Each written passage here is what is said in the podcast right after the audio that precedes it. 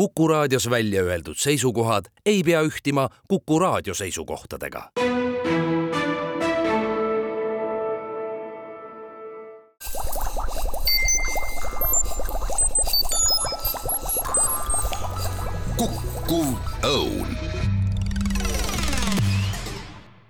Head Kuku kuulajad, Kuku Õun eetris. täna olen külla kutsunud Peeter Saari, kes on akadeemik ja Tartu Ülikooli optika emeriitprofessor. teemaks, nagu te aimatagi võite, Nobeli füüsikapreemia sedapuhku ja ju tuleb väga lühikestest atosekundilistest impulssidest, mida siis üle pika aja on õnnestunud tekitada. mina olen saatejuht Marek Strandberg ja Peeter ma saan aru, et kui me räägime nii lühikestest valgusimpulssidest, siis meil pole võimalik ilma laseri abita, ilma sellise inimkonna loodud kunstvalguse abita neid ühelgi moel tekitada, ei uurida ega kasutada. kui nüüd kuulajale lühidalt öelda, mille poolest siis laser erineb tavapärasest vilkuvast lambist, mida võib ju ka üsna lühikeseks ajaks helenduma panna. oi, neid erinevusi on päris palju.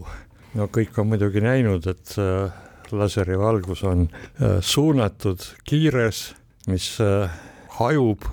kuigi väga vähe võrreldes kõikide muude valgusallikate valgusvihuga. teiseks äh, ollakse laserist harjunud ka mõtlema ja rääkima ja seda omadust ka kasutatakse, et laseri valgus on hästi ühevärviline, temal on üks kindel laine pikkus ja see tähendab seda, et äh, laseri valgusega saab teha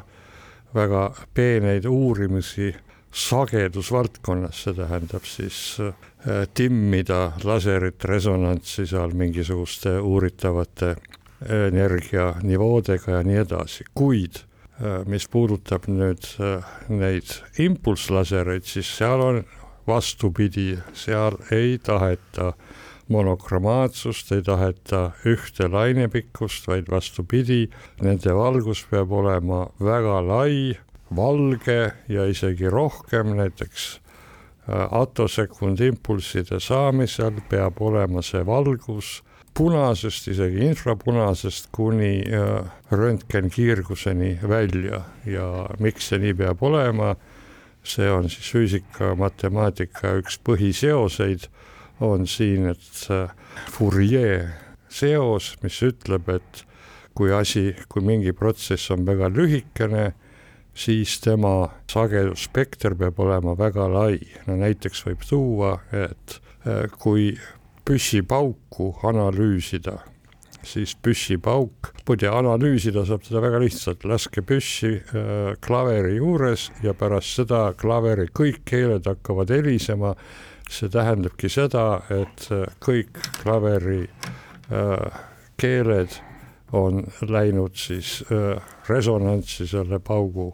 spektriga ja näitavad, et selle pauguspekter on lai. ühesõnaga, ma saan arugi, et selleks, et tekitada neid samu väga lühikesi impulsse,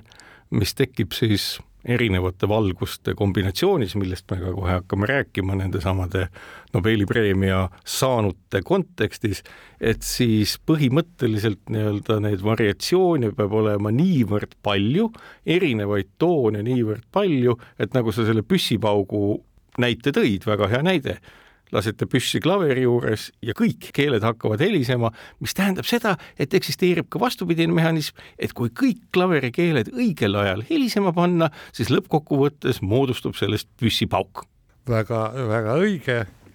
see tundub nagu natukene äh, uskumatu olevat. põhjus on siin selles, et, et tavapärased klaverikeeled helisevad igaüks omasoodu, aga, aga kui nad panna niimoodi ühel hetkel kõik ühes nagu öeldakse, võnkefaasis võnkuma ja siis need helilained liitudes tõepoolest annavad siis äh, ülilühikese impulssi nagu püssipauk. ehk et äh, ainus põhjus, miks me klaveriga püssipauku nii lihtsalt teha ei saa, ongi see, et klaver ei ole laser ja laser on see valgusallikas, kus siis põhimõtteliselt needsamad võnkumised on võimalik sättida täpselt õiges faasis, täpselt õiges kombinatsioonis, täpselt õiges intensiivsuses, nii et piltlikult öeldes meil sellise laserklaveri abil komponeerides me lõppkokkuvõttes saamegi need ülilühikesed ehk siis miljard, miljardikku sekundit või noh, nende kordades vältavad siis impulsid. no tegelikult klaverikeeli panna niimoodi, nagu öeldakse, sünkroonselt võnkuma saab, kuigi see on keeruline ja ega laserite puhul see ka sugugi lihtne ei ole, esimesed laserid äh, andsid parajasti sellist äh, valgust, kus äh, iga oma võnkumine äh, käis oma soodu ja noh, parimal juhul saadi siis nanosekund, see on siis üks miljardik sekundi pikkune impulss, nii et nende faasis võnkuma panemine seal laserresonaatoris, mis on siis kaks peeglit vastakuti, noh, ütleme tüüpiliselt meetri kaugusel. et seda saavutada, selleks äh, leiutati päris mitmeid äh, võtteid. kas me kusagil universumi kaugustes, mida me aina rohkem ja rohkem suudame vaadata, on meil midagigi lähedast äh, erinevate valguste tekitamisel, mis sarnaneks sellega, mis on maa peal inimeste loodud laser või tänu sellele, et inimesed on suutelised uusi asju looma, võime me öelda, et kui kusagilt paistab meie peale midagi, mille puhul me võime tuvastada, et see on laservalgus, siis ju on seal ka mõistust. Äh, no ma ei ole päris äh, kursis astronoomia astrofüüsika ei ole minu eriala, aga nii palju, kui mul on kõrvu jäänud, siis äh, väidetavalt mõningad valgusallikad äh, universumis on laseri sarnased selles mõttes, et nad ka kiirgavad nagu kahtlaselt intensiivselt ja, ja üsna, üsna suunatult aga need päris laserit ma ei kujuta ette, et saaks looduses tekkida, sellepärast et selleks on vaja ikkagi vot seda kahte peeglit, mis peavad olema ülima täpsusega paralleelseks sätitud, nii et äh, millega seal võib tegemist olla, seal võib öelda, äh, olla tegemist, nagu öeldakse, laserieelse ehk lihtsalt sundkiirgusega, kus, kus on olemas laseri äh, jaoks tähtis äh, tingimus, et on mingisugune keskkond, mis äh, võimendab sinna sattunud footoneid, paljundab ja siis äh, tuleb sealt välja suunatud ja, ja võimas impulss. aga, aga see ei ole selles mõttes päris laser veel, et see valgus ei käi seal millegi vahel, peeglite vahel edasi-tagasi, ta on lihtsalt nagu, nagu ütleme siis äh, mingi proto, protolaser selles mõttes. nüüd ennem kui me läheme siis kolme Nobeli preemia saanu, kelleks oli siis Anne Luyer, Pierre Agostini ja Ferenc Krauss juurde, siis kuidas üldse ajaloos on olnud, et noh, laserid ju mäletamiste mööda ka koolis näidatult igasuguste piltide pealt ja küll toona ju teadus nõukogude ajal väga populariseeritud, oli ju näha, et laser esimesed sellised põhinesid ju impulsslampidel, kõige tavalisematel fotoimpulsslampidel, millega siis footoneid ja osakesi selles kristallis ergastati, ma kujutan ette, et ega see impulsslamp vist väga sagedasi impulsse ei suutnud teha, et millised need esimesed laserimpulsside kestvused üldse olid? jah, noh, impulsslambid pidid olema küllalt võimsad ja samal ajal nende see valgusviljakus ehk energeetiline kasutegur on väga väike, nii et nad vajasid jahtumist tükk aega, nii et need esimesed laserid, mis tehti, need olid siis rubiinikristalli peal. Ja seal oli ikkagi noh, minutite kanti oli üks pauk nii-öelda minutis ja selle paugu kestvus, kui me täna räägime siis saavutusest vist ma saan aru, mõnikümmend miljard, miljardikku sekundit, siis kui pikalt kestis see toona esimene impulss, mis saadi? no see oli ära määratud nende lampide sähvatuse kestusega, niikaua kui lamp nagu toitis ja tekitas seal rubiinikristallis seda pöördhõivet ehk võimendustingimust äh, ja see oli siis ka millisekundi suurusjärgus, nii et millisekundi suurusjärgus oli ka siis vastav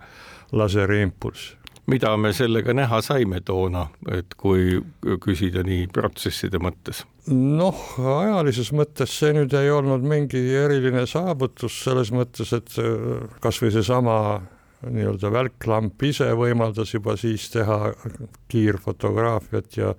sädemed olid mitmed, isegi nanosekundi kestusega, aga siiski tema võimsus ja suunatus olid sellised, mis lubasid paljusid asju teha ja, ja muuhulgas juba siis tekkis ka nagu tööstuslik rakendus, see, et laseriimpulsiga sai, sai metalli töödelda näiteks. nii sulatada kui lõigata jah, just. no mina mäletan oma keemiaõpingutega rööbiti, et Äh, selles samas Füüsika Instituudiski, kus äh, Tartus küll nüüd täiesti uues majas, aga omal ajal, mis on vist ka tänasel hetkelgi hoonena alles, oli siis, äh, tegeleti pikosekundi pikkuste ehk siis, mis ta siis on, üks triljondik sekundit sellise spektroskoopiaga ja uuriti selle abil siis fotosünteesivas rakus toimuvaid protsesse just. kui Nii. ulatuslik see uuring oli ja ma saan aru, et selles osas on Tartu olnud täiesti selline ja Eesti füüsikud väga teed rajavad ja on vist siiamaani. just, tähendab tuhat üheksasada seitsekümmend kaheksa äh, me ostsime ühelt äh, välismaise aparatuuri näituselt korraliku pikosekund laseri valuuta eest, oli omaette, omaette ooper, kuidas seda kätte saada ja sellega sai siis äh, hakata tegema korralikult äh, pikosekund spektroskoopiat, uurima siis protsesse kristallides, molekulides ja fotosünteesivates äh, sealhulgas, mis siis kestavadki niimoodi suurusjärgus kümme pikosekundit näiteks. ja üleüldse Füüsika Instituudis selle bioloogiliste objektide uurimissuuna alustas äh, tänaseks manalamees ammu juba Rein Avarmaa, aga juba siis seitsmekümnendatel jätkas seda suunda äh, Arvi Freiberg, praegune akadeemia asepresident ja tema siiamaale äh, tegeleb sellega äh, pikosekund lahutusega spektroskoopia abil ja on sel alal maailmas täiesti tunnustatud tegija siinkohal teeme saatesse väikese pausi ja kuulake meid pärast vaheaega edasi. kukkuv õun. head Kuku kuulajad, Kuku Õun jätkub, täna kõneleme Nobeli füüsikapreemiast, mis antud ülilühikeste valgusimpulsside tekitajatele ja seda teeme akadeemiku ja Tartu Ülikooli optika emeriitprofessori Peeter Saariga, mina saatejuht Marek Strandberg ja jõudsimegi sinnamaani, et äh, pikosekund vältvusega lasereid kasutati Tartus juba seitsmekümne kaheksandast aastast eelmisel sajandil alates ja oldi väga tähelepanuväärsed igasuguste tulemuste saamisel. nüüd atosekundini on meil sealt minna veel, eks ole, siis äh, miljon korda lühem või ütleme siis tegelikult siis sada tuhat korda lühem, kuna impulsi kestvused, mis tänaseks saavutatud on, vist on lugeda olnud nelikümmend attosekundit, siis äh, ma saan aru, et sealt edasi tuleb meil ju siis äh, femtosekund. kas pikosekundist femtosekundini jõudmine nõudis mingisugust erilist tehnoloogilist läbimurret või kuidas nagu lõppkokkuvõttes kõik need tänased nobelistid on siis oma selliste lühikeste impulsside tekitamise rajal kulgenud? jah, no järgmine samm oli, olid siis femtosekundid ja, ja siis loomulikult laseri seltskond veel, laser community, seal käis kõva rebimine, kes saab lühemaid ja see ei olnud sugugi lihtne, saadi siis seda niimoodi, et võimendati neid, ütleme niimoodi, tähendab, kõigepealt äh, saadi kuskil saja femtosekundi, see on siis null koma üks pikosekundit, muuseas pikosekund on siis äh, selline ajavahemik, et isegi valgus läheb null koma kolm millimeetrit ainult edasi. just, just, et ette kujutada, kui väike see ajaühik on. ja äh, neid saja femtosekundi kanti mm, lasereid saadi siis niimoodi, et täiustati seda laseri moodide lukustamise mehhanisme veel, veel mitmel viisil, aga, aga kaugemale mitte. Ja, ja järgmine läbimurre toimus siis juba femto, üksikute femtosekundite, ma mäletan, oli seal mingi kaheksa femtosekundit oli, oli kuskil sajandi viimasel äh, kümnendil oli, oli rekord, seda siis saavutati niimoodi, et, et see saja femtosekuline punane impulss, noh, niivõrd punane, kuivõrd ta on, eks ole, oli lühike, nii et ta oli tegelikult kollane, punane ja oranž seal kõik need kokku.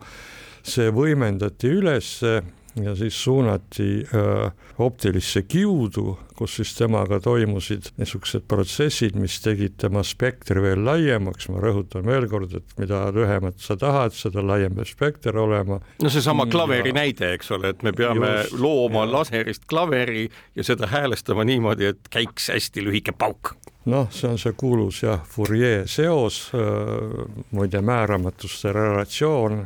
kvantmehaanikas on, on ka täpselt sama asi. nii, ja siis äh, see laiemaks tehtud spektriga impulssi siis äh, sai äh, uuesti kokku suruda, ta, ta oli laia spektriga, aga ta jäi sama laiaks aga kuna tal spekter oli lai, siis tal oli nagu potentsiaalselt võimalik veel teda lühemaks teha ja niimoodi tehtigi. ja seda saadi siis, niimoodi saadi siis kusagil ütleme ühe kuni kümne femto sekundi kanti, see oli siis tuhat korda lühem, äh, kui on äh, pikosekund ehk siis kümme miinus viisteist sekundit, aga atosekund on sealt veel tuhat korda edasi ehk kümme miinus kaheksateist sekundit ja siin oli tarvis juba täiesti põhimõtteliselt teistsugust lähenemist, nii et nagu tõesti läbimurret selles mõttes, et siin enam ei olnud kasu sellest laseri põhimõttelisest või töö põhimõttest kõige kesksemal kohal olevast pöördhõivest, et kõrgema energianivoo peal on nagu kiirgaid rohkem ja siis nad sealt kõik sõbralikult ja korraga kiirguvad ja kuna all kuhu nad lähevad, seal nagu ei ole neid kiirgajaid, siis toimub võimendamine, aga äh, neel, neeldumine vastupidi alt üles ei suuda seda mm, hävitada ega konkureerida. vot seda pöördhõive põhimõtet enam äh, edasi rakendada ei saanud ja atosekundi impulsid saadi siis äh, hoopis teise lähenemisega mis seisnes siis selles, et küllalt võimas, aga siiski femtosekundiline laserimpulss suunati väärisgaasi aatomite peale, noh, lihtsuse mõttes võtame kas või siis vesinik, et üks prooton, aga noh, vahet pole, ja kus on üks elektron? Ja siis äh, elektriväli oli nii palju tugev, et kuigi tuumaelektriväli on teatavasti äärmiselt tugev võib ka näiteid tuua, aga, aga see läheb võib-olla liiga kõrvale. no me kujutame ette, asjad ju püsivad koos just nimelt tänu sellele, et tuumaelektriväli on nii suur, et ta hoiab molekulides, aatomites oh. ja igal pool, eks ole, elektroni enda ümber. Te saate ju oh, tu tu tuumajõudu katsutada, koputage kasvõi laua peale oh, tugevaks oh, eks ole. kui ma elektri- ja magnetismi kursust ülikoolis lugesin, siis ma tõin niisuguse näite, et kui me võtame kaks ühekulunilist elektrilaengut, üks kulun, see ei ole üldse palju, see on, see on noh, ütleme taskulambis läheb mõnede sekundite jooksul läheb, läheb läbi üks kulun laengut. kui me võtame nüüd kaks kera, mis on ühekulunised, siis ja viime nad kilomeetri kaugusele, siis nad tõmbuvad jõuga üheksa tonni kilomeetri kauguselt. nii et see näitab juba, kui tugev on elektriline tõmb tõmbejõud, no see selleks. aga nüüd ja tuumas siis muidugi on, seal ei ole muidugi kulonit kaugeltki, seal on prootoni laeng on väga palju väiksem, aga ka kaugused on väiksemad ja äh, kolooni jõud on, eks ole, pöördvõrdeline kauguse ruuduga, nagu me teame. Äh, ja nüüd siis, kui see laserelektriväli langeb sinna äh, aatomi peale, siis, siis ta moonutab seda kõva kuloni välja niimoodi, et, et nagu ühest servast või ühest küljest see tõmbab nagu ütleme mägi vaid see on nagu auk, ühesõnaga, mis noh, potentsiaalist. ühesõnaga valguse, valguse enda komponendiks olev elektriväli lööb piltlikult öeldes tuuma lähedalt elektroni välja, mis on hästi no, tugev, no piltlikult. Just ja siis piltlikult kui... niimoodi ja poolpiltlikult siis niimoodi, et ta muud, moondab ära selle, selle äh, välja niimoodi, et elektron saab sealt nagu välja pugeda ja, ja noh, ja kui päris äh, minna füüsikasse, siis siin on keeruline äh, lainemehaanika taga, mis seda kõike kirjeldab. lööb välja, jah, see on väga hea näide, aga natukese aja pärast nüüd, kuna elektriväli laservälkesse võngub, siis, siis ta keerab äh, miinusmärgi peale ja nüüd seal, kus ta rebis ühes suunas, nüüd ta hakkab hoopis seal lükkama tuuma poole ja lükkab hirmsa hooga vastu tuuma. ja vot sellest tekib siis nüüd sellise laia spektriga punasest kuni, kuni röntgenini kiirgus, mis üllatus-üllatus äh, on, ongi siis äh, äh, esimene, esimene selline katse näitas kakssada viiskümmend atosekundit. see oli just siis see mida tegi see Ann Willie? Äh, jah, ja Anton Seilinger, Ann tegi juba, juba varem, aga sai nagu, nagu efekti kätte, et seal selline kiirgus üldse tekib, aga kaks tuhat üks siis Anton Seilinger oma töörühmaga mm, sai siis äh, tulemuse, kus tekkis siis terve seeria kahesaja viiekümne atosekundiseid impulsse. no miks terve seeria, sest äh, jälle lihtsalt öeldes sellepärast, et selles laseriimpulsis on, on ju mitu plussi ja miinust, eks ole, ja siis vastavalt tulebki seeria. siinkohal teeme aga saatesse väikse pausi ja kuulake meid pärast vaheaega edasi.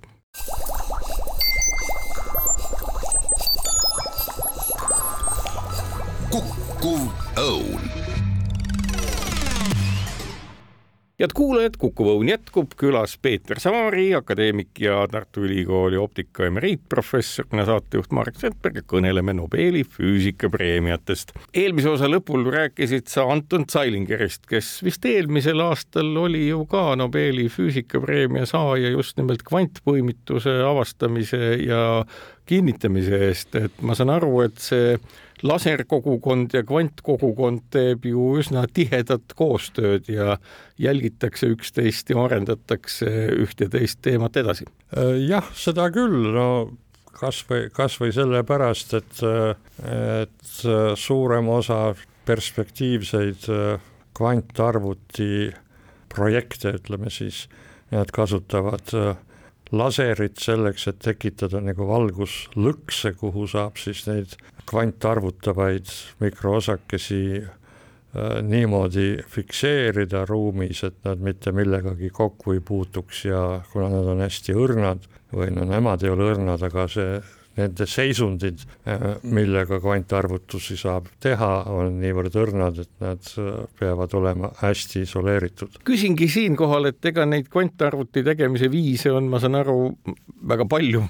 detailides ei oska ma kaasa rääkida, aga kas siis valgusse lõksustamine on üks alternatiividest, kuidas kvantpõimitud osakesi tekitada versus siis ütleme, ühe või teise pooljuhtsiirde mahajahutamine seal vedela heeliumi temperatuurile, millest kuulda oli, et ka Soomes teine kvantarvuti järjekorras juba just sel põhimõttel üles ehitatud. ma saan aru, et ka kvantarvutamise valdkonnas on sellised laserpintsetid või laser ma ei teagi, hällid või kätkemiskohad just nimelt need, millega püütakse siis ka ühte tehnoloogiat luua. jah, see on, see on üks võimalus ja ma nüüd väga hästi kursis selle alaga ei ole, see on äärmiselt kiirelt arenev, arenev, seal on väga palju tegijaid ja väga suured rahad on taga, aga ütleme kuskil, kuskil äh, sajandi alguses oli küll, oli äh, ioonide lõksustamine siis äh, mm, laseri abil, aga laseri abil mitte ainult ei isoleerita, ei riputata neid nii-öelda tühjusesse, neid arvutavaid osakesi, vaid laseri abil saab ka siis neile sisse anda, ütleme siis algandmeid ja, ja käskida neil siis arvutada ja nii, et laserid nii või teisiti. no Zeilinger vist, Zeilinger vist ma saan aru, et enam-vähem sellise asjaga tegelebki, ta küll tekitab küll Pekingi ja Hiina vahele just nimelt laserimpulsside abil selliseid nii-öelda kvantsidekanaleid, mis on pealtkuulamiskindlad. Ja need on täiesti tähelepanuväärsed tööd, mis ilmselt siis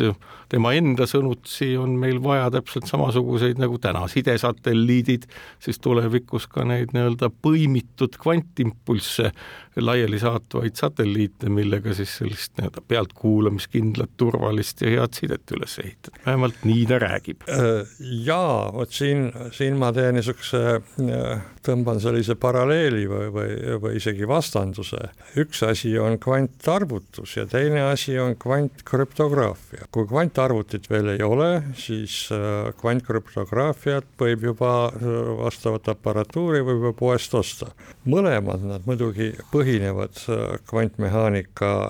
mõistuse vastastel omapäradel ja seaduspärasustel, aga nad on selles mõttes huvitavalt vastandlikud, et kui kvantarvutiga saab siis põhimõtteliselt lahti muukida kõik need koodid ja salasõnad, millega me tänapäeval oma pangaga suhtleme, siis kvantkrüptograafia vastupidi võimaldab sõnumeid niimoodi krüpteerida, et no vähemasti teoorias mitte, mitte miski ega mitte keski ei suuda neid lahti äh, muukida. piltlikult öeldes isegi jumal mitte, saan ma aru, kui keegi sellest just, just ma äh, lugesin äh, möödunud sajandi lõpul juba sissejuhatavat kursust äh, kvantarvutusse ja kvantinformaatikasse, see oli aeg, kus IT-mehed pidasid seda täielikuks mõttetuseks, meid käidi isegi, meie õppekava käidi hindamas ja üks IT-mees ütles, et see on mingi füüsikute sinitaeva värk, et seda ei ole tarvis pähe määrida informaatikutele. See selleks. Ja selles kursuses ma tõin sellise võrdluse, et kui kvantarvutit võrrelda siis Petsebuliga, siis kvantkrüptograafia on siis see, mis päästab meid Petsebuli käest, et, et kui, kui üks on võimeline lahti muukima, siis teine jällegi vastupidi on võimeline tegema nii, et ei saa lahti muukida, nii et kvantmehaanika siis ühe käega nagu on petsepull ja teise käega jälle petsepull, et petsepulli saab petsepulliga välja ajada. ma just mõtlen ja seda, et ilmselt see viitab ka asjaolule, miks väga paljudes riikides on kõne all noh, ütleme Hiina, Ameerika Ühendriigid, teame tegelikult ka Soome nüüd, kui meenutada sedasama president Sauli Niinistö kõnetki Soome teise kvantarvuti avamisel kümnenda oktoobri paiku vist see toimus Espos äh, VTT laboreis, äh, siis äh, kõik need rõhutavad ühte olulist asja, kvantüleoleku saavutamise möödapääsmatust. noh, milles siis kõikvõimalik kvanttehnoloogia, ilmselt nii krüptograafia kui arvutusvõimsused seotud ja ma kujutan ette, et ka ilmselt ühel või teise otsapidi nendesamade ülilühikeste laserimpulsside tekitaminegi on ka ju mingis mõttes ülioluline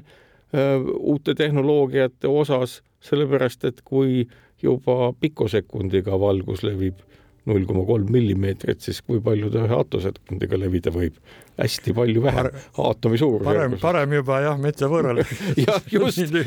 aga ma mõtlengi seda, et needsamad lühikesed impulsid, ega ju eh, noh, kuidas ma ütlen, füüsika ju ei põhine sellele, et üksteisega võisteldakse selles, kui lühikesi impulsse suudetakse teha. Need on ju ometi mingid tööriistad, mõõtmisvahendid, eh, analüüsivahendid. milliseid protsesse, mis on nii lühikesed ja energeetiliselt eh, nii olulised, on võimalik siis atosekund impulsside ja oletame siis ka spektroskoopiaga vaadelda ja hinnata. jaa, muidugi.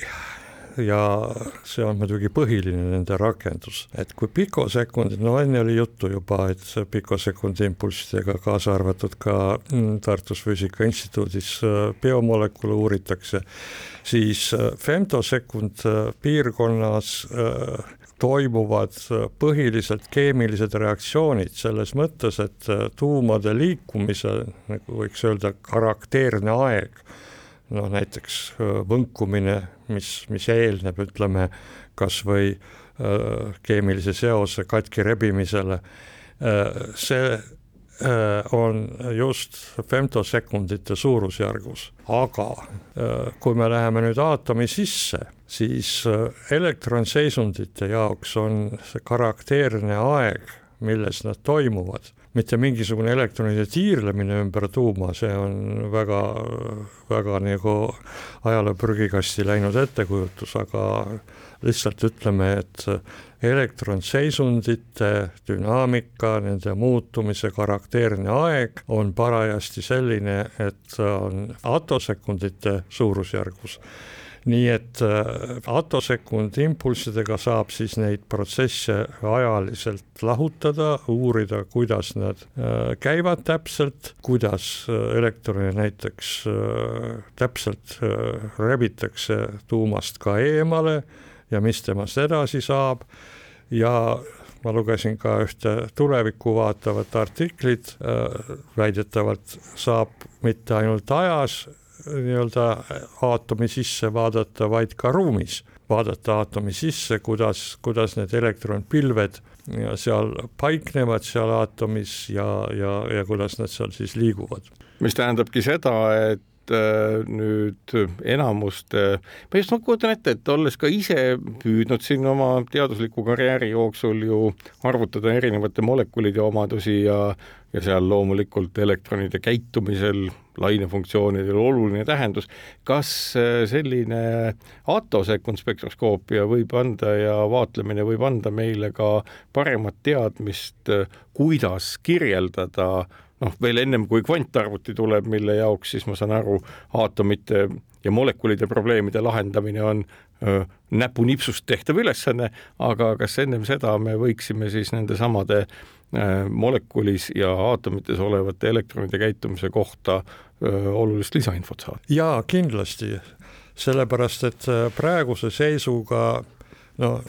vesinikuaatomit kirjeldatakse ülima täpsusega, kõikvõimalikud relatiivsusteooria efektid võetakse arvesse ja nii edasi. aga, aga kui juba on raskemate aatomitega tegemist, siis, siis tegelikult kvantmehaanilisi arvutusi nende suhtes, nende kirjeldamiseks Äh, loomulikult tehakse ja võimsate arvutite abil väga, väga täpseid, aga ikkagi need meetodid on äh, lähendusmeetodid, nii et selles mõttes nagu eksperimenti oleks ikka tarvis, teooria teooriaks, aga eksperimenti oleks tarvis ja, ja siiamaale nagu noh, mingit eksperimenti saab muidugi, nagu ma ütlesin Äh, sageduspildis äh, spektroskoopia võimaldab loomulikult äh, aatomite siseelu kohta vägagi palju öelda, aga ikkagi protsesside nii-öelda otsene jälgimine nii nagu ta reaalsuses on, sellist eksperimenti, sellist mõõtmist hakkab olema nüüd võimalik ainult tänu atosekund impulssidele. siinkohal teeme saatesse väikese pausi, kuulake meid pärast vaheaega. kukkuv õun head kuulajad, Kuku Õun jätkub, külas Peeter Saari, akadeemik ja Tartu Ülikooli optika emeriitprofessor, meie saatejuht Marek Strandberg ja jõudsime siis sinnamaani, mida siis, mida siis atosekund spektroskoopiaga ja atosekund mõõtmistega me üldse teada saame, ehk meile hakkaks ennast avama aatom täies mahus ja eksperimentaalselt täpsemalt kui ei iialgi varem. nüüd äh, Anne Willet ja tema nii-öelda need esmased katsed olid tehtud veel ju ennem üheksakümnendaid aastaid, tuhat üheksasada kaheksakümmend seitse on see, mille, millise töö eest siis Nobeli komitee nagu tema sellesse au sisse tõstis ja nüüd ülejäänud äh, asjade tegijad ju paarkümmend aastat hiljem, nii Pierre Agostini kui Ferenc Strauss, mõlemad nad ju alustasid oluliselt hiljem, et kas kogu see periood, need paarkümmend aastat siis oligi selles, et see on üks väga mahukas selline eksperimentaalse katsetamise ja valgusega jutumärkides mängimise ajastu, mis siis lõpuks on jõudnud sinnamaani, mida me täna näeme? jaa, no kõigepealt äh, tuleb aru saada, et see tehnika on väga keeruline, kas või juba sellepärast näiteks, et äh, see kiirgus on sellises spektri piirkonnas, kauge ultraviolett käib sinna alla mis õhus üldse ei levi, nii et äh, suuresti see eksperimendi seade, see on äh, vaakumis äh, suurtes roostevabast teradest akendega sellistes kambrites ja noh, laserid ka piisavalt võimsad, nii et see on ikka korralik suur lauatäis labori. oled sina mõnda sellist näinud? oma ihusilmaga? ei, ei, ma ei ole näinud, küll aga ma olen näinud seda, kuidas äh, kogu see impulsslaserite värk, kui ta olid pikosekundid, siis oli, oli suure labori sein oli täis kondensaatori suuri plokke, mis pidid siis andma seda elektrilaengut nendele impulsslampide äh, sähvatusteks, siis edasi, äh, kui läksid juba korralikud pidevalt töötavad piko ja femtosekundid, liikmed laserid, siis jällegi korralik stabiliseeritud optiline laud Füüsika Instituudis, me kaevasime keldrisse suure augu ja panime sinna vedrud ja valasime betoonist suured kuubikud peale ja ikka jäi väheks. ühesõnaga kõik, kõik see nõudis sellist äh, korralikku tehnikat, praegu muide on äh, femtosekund laserid juba arenenud nii kaugele, et te võite neid näha silmaarsti juures, sellega tehakse katarakti operatsiooni ja üllatus-üllatus, te võite isegi näha kosmeetiku kabinetis, kus femtolaseriga kõrvaldatakse teie tätuusid, kui te nüüd olete noorest ja lollist peast omale äh, teinud või lihtsalt ei meeldi ja tahate uue teha. Jah, ja, ja põhjus, miks need femtolaserid on just seal head, on asi on selles, et äh, kui meil on pikk impulss, siis äh, temal on mingi mõju, mis on kasulik, aga peale selle ta annab kõvasti sooja ja see lihtsalt põletab, eks ole, kõrvetab see kudesid, aga kui, äh, kui see pikkus on hästi lühikene, siis ta soojust annab vähe, aga võimsus on samal ajal piisav, et, et seal tekitada siis sellist nagu noh, nagu külma laserinuga mängida või, või, või midagi taolist. ma küsin vahele ja..., et atosekundi puhul ilmselt seda olukorda ei teki, sellepärast et see impulss on nii lühikene, et sellega kaasas käivad siis ütleme niimoodi, et pauguga kaasas käivad, kaasas käivad siis klaveri, klaverikeelte helinad, et need põhimõtteliselt valgusena üleüldse õhus levida ei saaks. nii et nagu atosekund asjadest me saa. sellist nii-öelda tööstuslikku seadet ilmselt niipea ei näe no karta on jah, need impulsid on praegu väga nõrgad, kui, kui femtolaserid ja pikolaserid on juba jällegi kasvõi rasketööstuses näiteks klaasi sisse saab teha igasuguseid, see on muidugi ajaviitevärk või selline laiatarbevärk, et klaasi sisse kõrvetatakse igasuguseid kolmemõõtmelisi kujusid oi, ära räägi, ära räägi, ei ole ainult, ma olen näinud neid äh, visuaalselt atraktiivseid asju, aga tuleb välja, et äh, selliste samade lühikeste laserimpulssidega õnnestub sinna ju sukeldada ka sisse kanaleid ja sellega tegeleda ja, siis niisuguste mikrofluidiliste seadmete loomisega, kus on võimalik keemilisi reaktsioone läbi viia. täitsa ja, üllatuslik ja, ja seda, seda. ja ma enne jätsin isegi nimetamata, et no otse loomulikult ka nende atosekund laseritega kasutus ei piirdunud ainult nii-öelda aatomi sisse vahtimisega, vaid, vaid täitsa selgelt igast pooljustruktuuride nii-öelda uurimine, juurde tekitamine, ühesõnaga infotehnoloogia progressi jaoks on nad äh, kahtlemata saavad olema olulised tööriistad. no ma loodan, et sedapuhku infotehnoloogid ja infoasjatundjad, kes kunagi omal ajal su kvantkrüptograafia loengus muigasid või selle peale, on nüüd natukene tõsisemalt neid asju vaatamas. oo jaa, no Tartu Ülikoolis äh, informaatikute instituudis juba, juba loetakse kvantarvutikursust juba nüüd äh, äh, kusagil viisteist aastat, nii et kõik, kõik liigub õiges suunas. kui sa jälgid nagu üldse kogu sellist füüsika alal toimuvat ehk ja alati on nagu see küsimus, et noh, minule ka tundub, et Nobeli preemiate võlu on selles, et nad kuidagi antakse väga õigel ajal ja aina õigemate asjade eest, mis noh, tõepoolest on muutunud või muutumas õpikutarkuseks. kas sedapuhku sulle tundub ka, et see ähm, antud Nobeli füüsikapreemia on ka täpselt õigesse auku? no raske öelda, muidugi asi on selles, et et mõningas mõttes füüsika õpetamine jääb ju kogu aeg äh, maha sellest äh, eesliini frondist ja, ja, ja noaterast. aga noh, heade õpetajate käes ja heade popularisaatorite käes annab muidugi igast asjast rääkida nii, et, et, et ka nagu öeldakse, et sa, sa oled ise siis aru saanud, kui sa suudad nii seletada,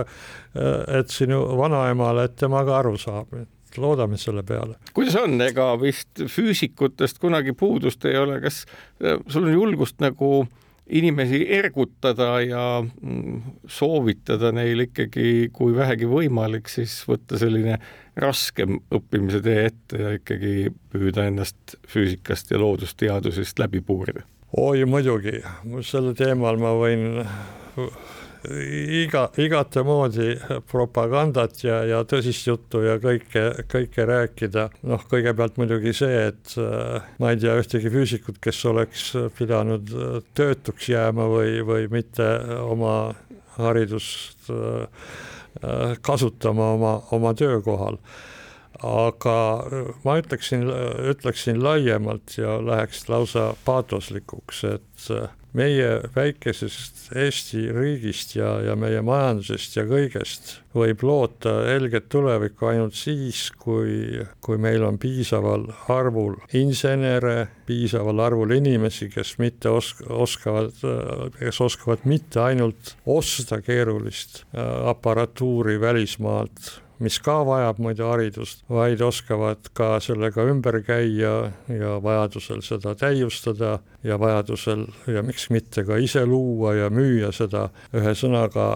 ma arvan, et äh, Eestis on praegu tasakaal äh, nii-öelda lüürikute ja füüsikute vahel, kui viidata sellele kunagisele populaarsele vastuolule, on väga käest ära ja et asi päris hulluks ei lähe, ma arvan, et äh, tuleb juba koolist piisavalt õpetada matemaatikat, füüsikat, keemiat, äh, nii et et sealt tõesti tuleksid välja inimesed, kes saavad aru, et see on väga huvitav ja põnev ja õpiksid seda edasi. aitäh, Peeter Saari, et said tulla Kuku Õuna saatesse kõnelema nii füüsika ja loodusteaduste olulisusest kui laias laastus sellest samast Nobeli selle aasta füüsikapreemiast. sellega on Kuku Õuna saade läbi, kuulake meid jälle täpselt nädala pärast ja kaunist päeva teile!